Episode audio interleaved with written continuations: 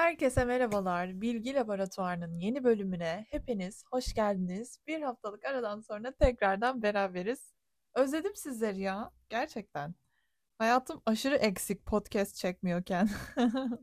Bugün sizlerle vitaminleri konuşacağız. Vitaminlere nutrigenetik, nutrigenomik yaklaşımlarda bulunacağız. Ve hangi vitaminde, hangi besin, hangi vitaminde bulunur?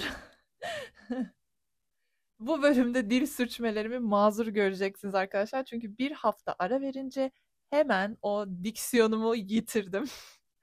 o yüzden maalesef dil sürçmelerim olabilir affola. Şimdi vitaminleri konuşacağız ama hangi yönden konuşacağız? Hangi besinde hangi vitamin var?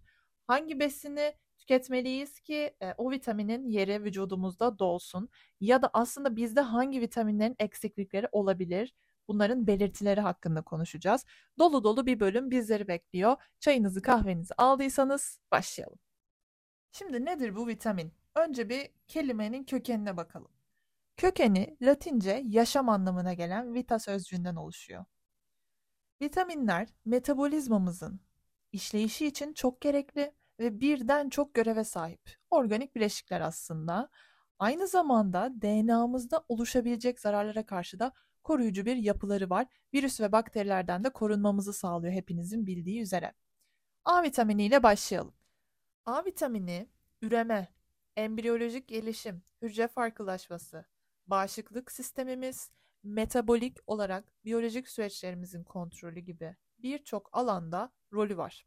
Yani A vitamininin gerçekten e, rolü olduğu kısımlar say say bitmez. Biz genelde onu göz problemlerini ve işte cilt sorunlarını önlemesiyle biliyoruz ama yani midede oluşan ülserler, soğuk algınlığı aslında tahmin etmediğimiz birçok yerde A vitaminin rolü var diyebiliriz. E, çünkü dokuların onarımı, işte yeni hücrelerin gelişmesi, hatta ve hatta hücreleri kansere karşı koruma, yaşlanma sürecini yavaşlatma kısmında bile A vitamininin rolü var. İki formu var. Biri hayvansal ürünlerde bulunan, bir diğeri bitkisel gıdalarda bulunan hayvansal ürünlerde bulunan retinol, retinal, retinoik asit bileşikleri oluyor. Bitkisellerde bulunan alfa karoten, beta karoten kısmı oluyor. Şimdi aslında A vitamini ile ilgili bence bilmediğimiz bazı şeyler var. Mesela sivilce ilacı olarak kullanılan Roacutan var. Bunu çok duymuşuzdur ki e, ya benim çevremde Roacutan kullanmayan kalmamış bile olabilir bir noktada. Gerçekten özellikle lise döneminde çok kullanan arkadaşım vardı. Roacutan aslında bir A vitamini türevi. Evet. Çok etkili bir ilaç. Bazı yan etkileri falan olduğu hatta konuşuluyordu ve bu yan etkileri yaşayan insanlar da olmuştu diye hatırlıyorum o dönem. A vitamini en çok sığır karaciğerinde bulunuyor. 100 gramında 9442 mikrogram A vitamini var arkadaşlar. Yani düşünün ki bir yetişkin bir erkeğin günlük alımı en fazla 900 mikrogram olabilir, kadının 700 mikrogram olabilir. Sığır karaciğerinin 100 gramında 9442 mikrogram var. Yani ne kadar fazla olduğunu buradan anlayabiliriz aslında. A vitamininin eksikliği gece körlüğü yapabiliyor. Fazlalığı ise dökülme, saç dökülmesi yapabiliyor ve bu kelleye yol açabiliyor. Çok fazla A vitamini oldu mu vücutta. Karaciğerde toksisite ve cilt kuruluklarına yol açabiliyor. E, ama aslında A vitamininin eksikliği çok sık görülmüyor diye biliyorum. Ama mesela akne olduğunda, e, büyüme eksikliği olduğunda ya da korneamızla ilgili sorunlar olduğunda A vitaminimiz mi eksik acaba diye düşünebiliriz. Retinol ise A vitamininin besin olarak alabildiğimiz haline deniyor. Şimdi A vitamini içeren e, hayvansal besinler var. Bir de bitkisel besinler var. İki formu var. Hayvansal taraf retinol, retinal ve retinoik asit. Bitkisel taraf alfa karoten, beta karoten. Bunları zaten konuşacağız ilerleyen dakikalarda. A vitamininiz eksik olursa vücut daha kolay hastalanıyor. Çocuklarda eğer A vitamini eksikliği olursa büyüme geriliği olabiliyor. Ve ve ve çok önemli bir şey D vitamininizin çalışması için vücudunuzda A vitamini olması lazım. lazım. Biyolojik saatinizin ah ah ah çok çok önemli bir nokta ve beyninizin düzgün çalışması da A vitaminine bağlı. Vegan ve vejeteryan diyetlerin bazıları A vitamini eksikliğine bu nedenle neden olabiliyor ve aynı zamanda alkol vücuttaki A vitaminini de tüketiyor. Şimdi A vitamini hangi besinlerde var? Biz A vitaminimiz eksikse ne tüketelim? Ya da A vitaminimiz eksilmesin diye ne tüketelim? Tam yağlı süt, tereyağı, yumurta sarısı, bal kabağı, tatlı patates, lahana, havuç, ıspanak. Yani aslında bu vitamini fazla fazla alabilmek için ya da yeterli düzeyde alabilmek için daha çok sarı ve turuncu sebze ve meyveler tüketmeliyiz. Yani mesela sarı meyveler neler işte greyfurt, kavun, kayısı, mango. Ya bunları tükettiğimiz zaman zaten yeterli A vitaminini alırız. Ee, sarı, kırmızı ve yeşil yapraklı sebzeler. Bunlar işte kırmızı biber olur, lahana, pazı, havuç, şalgam. Ya zaten turuncu bir meyve gördüğünüzde direkt olarak bilin ki bolca A vitamini içeriyor. Gelelim D vitaminine. Kemik sağlığımızı korumak için çok çok çok önemli. Gerçekten. Yani D vitamini vücutta her şeyi kontrol ediyor bir yerde. A vitamini gibi onun da bir sürü görevi var gerçekten. Bağışıklıkta söz konusu, kemik sağlığımızda söz konusu ve D vitamininin ana doğal kaynağı güneş ışığı. Güneş ışığının etkisiyle ciltte D3 vitamini sentezi oluyor. Ee, az miktarda gıdada bile önemli miktarda D vitamini alabiliyoruz vücudumuza ki bu çok güzel bir şey. Hem deriden almamız lazım hem besinlerden almamız lazım. Ama tabii vücudumuzda bir D vitamini metabolizmamız var. Yani genetik varyantlarımız da önemli burada. Çünkü D vitamini durumumuz, e, genetik olarak bunu nasıl sentezleyebildiğimiz ya da sentezleyemediğimiz bunlar da çok önemli detaylar. D vitamininin eksik olması çok çok önemli epigenetik sonuçlara yol açabiliyor.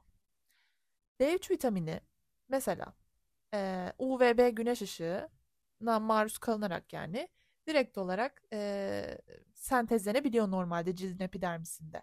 Ama cildinizin pigmentasyonu, giydiğiniz şeylerin, kıyafetlerin renkleri ve güneş kremi etkili olacak UVB dozunu azaltabiliyor. Kemik sağlığımıza, hücre döngümüze, hormon salgılanmamıza, bağışıklık fonksiyonlarımızı düzenlememize bu kadar etken olan bir vitamini tüketmek için yağlı balıklar, yumurtalar, işte süt gibi şeyleri tüketebiliriz mesela. Bunları tükettiğimiz zaman zaten e, vücudumuz az miktarda bir besinden bile çok fazla D vitamini alabildiği için e, hani yine de şanslıyız diyebiliriz. D vitamini eksikliği raşitizme neden olabilir. E, takviye aldığımız zaman D vitamini ve düzenli beslendiğimiz zaman fiziksel olarak hareket kabiliyetimiz artar, performansımız yükselir ve tabii ki yeterli D vitamini alımı kansere karşı vücudumuzu koruyabilir. Aynı zamanda yine depresyonu azalttığı, uyku kalitesini iyileştirdiği, anti-inflamatuar etkiler gösterdiği ve bağırsak hastalıklarına çok çok iyi geldiği bazı çalışmalarca kanıtlanmış D vitamininin. Geldik E vitaminine. Yani ben. evet, E vitamini bir antioksidan görevi görüyor. Bazı bitkisel yağlarda, kuru yemişlerde bulunuyor. Marulda çok fazla var E vitamini. E, ve birincil yağda çözünen beslenme antioksidanı kabul ediliyor. Bu nedenle de aslında doymamış yağ asitleri dediğimiz e, besinlerde yani doymamış yağ asitlerini içeren besinlerde bulunuyor ve gen ekspresyonunda değişiklikler yapabiliyor. E vitaminini alımına göre ve emilimine göre genlerinizde yani gen ekspresyonunuzda değişiklikler olabiliyor. İyi yönde ya da kötü yönde epigenetik değişiklikler yaratabiliyor. E vitamini ana olarak kemik kütlesinin düzenlenmesinde rol oynuyor. Kardiyovasküler hastalıklar ve kanser dediğimizde de E vitaminini hatırlamalıyız. Badem, yer fıstığı, fındık, ay çekirdeği, ıspanak, brokoli, soya fasulyesi, ayçiçek yağı ve kabak çekirdeği ve tabii ki avokadoda fazlaca bulunuyor. E vitaminini muhtemelen cilt konuları geçtiğinde duymuş olabilirsiniz. Çünkü E vitamini saç uzaması için çok faydalı. Cildin nem oranının düzelmesi için ya da sağlanması için çok faydalı ve ciltteki kırışıklıklar için çok çok faydalı. Yağda çözünüyor, karaciğerde depolanabiliyor. Ha bir de şunu söyleyelim. D vitamini alımının fazlalığı karaciğerde toksisite yaratabilir. O yüzden D vitamini seviyenizi ölçtürmeden e, D vitamini takviyesi almayın derim. Aynı zamanda E vitaminine tekrar dönersek egzama, sedef gibi cilt hastalıklarına iyi geliyor. Peki benim E vitamini eksikliğim mi var acaba diye ne zaman düşünmelisiniz? Görme problemleri yaşıyorsanız, derinizde ve cildinizde çatlaklar varsa, tırnaklarınız kolay kırılıyor, saçlarınız kolay kopuyorsa, işte bu sizde E vitamini eksikliği olduğu anlamına gelebilir. E vitamini kaşıntılarınıza, yaralarınıza, güneş yanığı risklerinize karşı sizi korur, iyi gelir. Bir besini kızartmak onun içindeki E vitaminini tamamen yok eder E vitamini yaşlanma karşıtıdır diyerek E vitamininin e, bize sağladığı faydaları bu şekilde özetleyebiliriz. Gelelim K vitaminine. Bu da aslında bir grup yağda çözünen vitaminlerden yani. E, K1 ve K2 olarak iki bölümü var. E, pıhtılaşma faktörlerini içeriyor bu vitamin. Birinci formu ıspanak, lahana, brokoli ve brüksel lahanasında fazla fazla var. Yani yeşil yapraklı sebzelerde. İkinci formu da bazı peynirlerde ve diğer fermente gıdalarda. Yani K2 bir de bir Japon ürünü, bir Japon soya ürünü olan natto'da bulunuyor çok fazlaca. Bağırsaklardan K vitamini sınırlı şekilde katkı sağlayabiliyor. E, ama yumurta, balık çok az miktarda da olsa K2 vitamini içeriyor. Ve e, yağda çözünen diğer vitaminler gibi değil K vitamini. Onu burada ayıran bir nokta var. O da geri dönüştürülebiliyor ve bazı dokularda depolanabiliyor. K vitamini için yeterli alım erkekler için 120 mg günde, kadınlar için de 90 mg. Ee, yani aslında günlük K2 vitamini dozu 180 mg'a kadar çıkabiliyor sanırsam. Vücudunuzda yeterli K vitamini olduğunda kardiyovasküler hastalıklara yakalanma riskiniz azalır. Kemik yoğunluğunun korunmasında osteoporoz gibi kemik hastalıklarına karşı K vitamini çok çok önemli. Bilişsel fonksiyonlarımızı korumamızda, damarlarda mineral birikmesi gibi sıkıntılı durumlarda çok çok e, koruyucu oluyor. K vitamini fazlalığı, K vitamininin fazlalığı damar tıkanıklığına, karaciğer fonksiyonlarında bozulmalara neden olabilir. K vitaminimizi seviyede, düzgün bir seviyede tutmak için ıspanak, pazı, brokoli, karnabahar, maydanoz, kekik, fesleğen, taze soğan, bezelye, domates, kereviz ve taze fasulye gibi besinleri tüketebiliriz. Narda, kivide, sakatatlarda olduğu da söyleniyor. Gelelim biyotin, B7 vitamini. Biyotini aslında saç, cilt, tırnak yapısı oluşumundan duymuşuzdur. Ee, vücutta depolanmayan bir vitamin. Kimisi onu H vitamini olarak da biliniyor. Hair'dan geliyor muhtemel. Biyotin eksikliği karaciğerde glikokinazı azalttığından aslında sorunlar ortaya çıkıyor. Çünkü biyotin vücutta enerji oluşumunda görev alıyor. Yani halk arasında zaten saç vitamini olarak biliniyor ama aslında enerji oluşumunda da bir görevi var. Peki biyotin hangi besinlerde bulunur? Yumurta sarısı, karaciğer, badem, fıstık, fındık, karnabahar ve muzda var. Gelelim tiamin, B1 vitamini. Gıdanın enerjiye dönüştürülmesinden sorumlu, kalbin fonksiyonlarına katkıda bulunuyor. Yine karaciğerde, fasulye ve pişmiş mercimekte, balık ve fındıkta B1 vitamini var. Pantotenik asit yani B5 vitamini, bu da yine suda çözünen bir B vitamini. Yağ, karbonhidrat ve proteinleri sentezlemek ve sindirmek için vücudumuz B5 vitaminine ihtiyaç duyuyor. Pantotenik asit yani B5 vitamini nelerde var? Baklada çok var, yer fıstığında, süt, patates ve yeşil yapraklı sebzelerde var. Ee, yine tavuk, yulaf, domates ve brokoli gibi tam tahıllarda da var bu arada. Brokoli gibi yeşil yapraklı sebzelerde de var. Yani başlıca pantotenik asit kaynakları aslında zaten diğer vitaminleri de içeriyor. Gelelim C vitamini. Bağışıklığımızın biricik vitamini C vitamini. C vitamininin çoğunu zaten meyve ve sebzelerden ya da hayvansal gıdalardan alabiliyoruz. Turunçgiller tabii ki portakal, greyfurt, limon C vitamini açısından en zengin kaynaklar. Ama bazı şeyler C vitamininin içeriğini azaltabiliyor. Bunlar ne? Pişirme, uzun süreli saklama. Aslında sadece C vitamini için değil. birçok vitaminin etkisini pişirme, tekrar tekrar yemeği ısıtma, uzun süreli saklama, hem histamin içeriğini arttırır gıdanın uzun süreli saklama, işte bu leftover dediğimiz hani akşamdan kalma o yemeği tekrar tekrar yeme. Bunlar gıdaların vitamin içeriklerini azaltır. C vitamininin eksikliği kılcal damarların kırılganlığını arttırdığından yara iyileşme hızını yavaşlatır. Diş etinde kanama olduğunda, eklemlerde ağrı olduğunda, bozulmuş bir bağışıklık sistemine sahip olduğunuzu hissettiğinizde, yorgunluk ve sersemlikte aslında C vitaminim mi eksik diye düşünmeye başlayabilirsiniz. C vitamini depolanmaz. Bu nedenle de günlük ihtiyaç olarak vitamin miktarını alırsak harika olur. Gelelim çinko. Çinko da vücutta üretilmiyor, depolanmıyor. Ancak büyümenin ve üremenin ve bağışıklık sistemimizin çok çok önemli bir parçası. Çünkü çinko hücre bölünmesi ve protein sentezinde çok önemli bir role sahip. Kemik sağlığıyla, cilt sağlığıyla da ilişkilendiriliyor. Kırmızı et, ıstakoz, fasulye, fındık, kepekli tahıllarda bolca bulunuyor. Çinko eksikliğim var mı diye düşünmeniz ne zaman gerekiyor derseniz, koku ve tat duyularınızda bir sıkıntı, bir azalma, kilo kaybı, geç iyileşen yaralar, iştah kaybı bunlar söz konusu olduğunda çinko eksikliğiniz olabilir.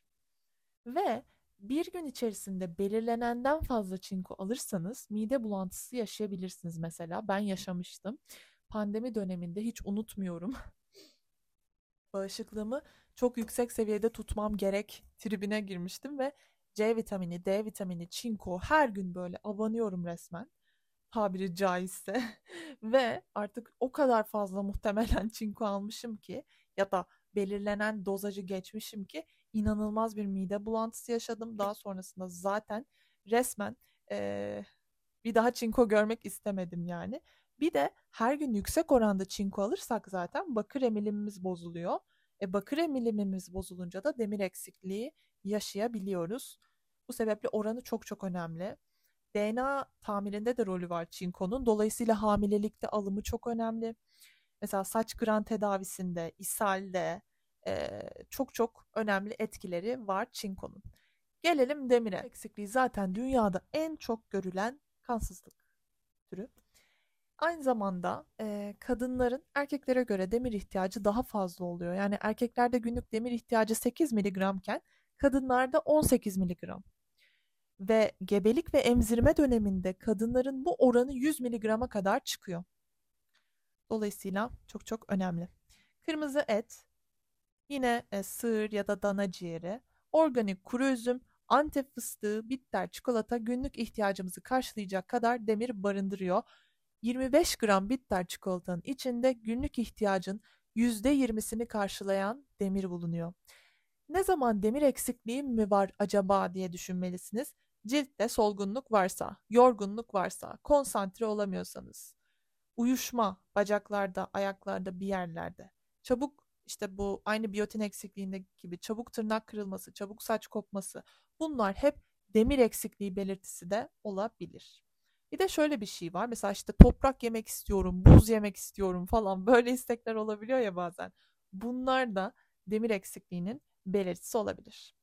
C vitamini demirin emilimini arttırdığından demir hapınızı bir mandalinayla ya da C vitaminiyle tüketirseniz aslında e, onun demirin emilimini arttırırsanız örneğin yumurtayı portakal suyuyla tüketmek de demir emilimini arttırıyor. Mercimek tüketmek de. Ve e, yemekleri saklarken kullandığımız çelik veya teneke ya da yemeklerle beraber çay kahve tüketmek sizin demir emiliminizi azaltabilir. Şimdi biraz mutfağınız için demir emilimi önerilerinde bulunmak istiyorum.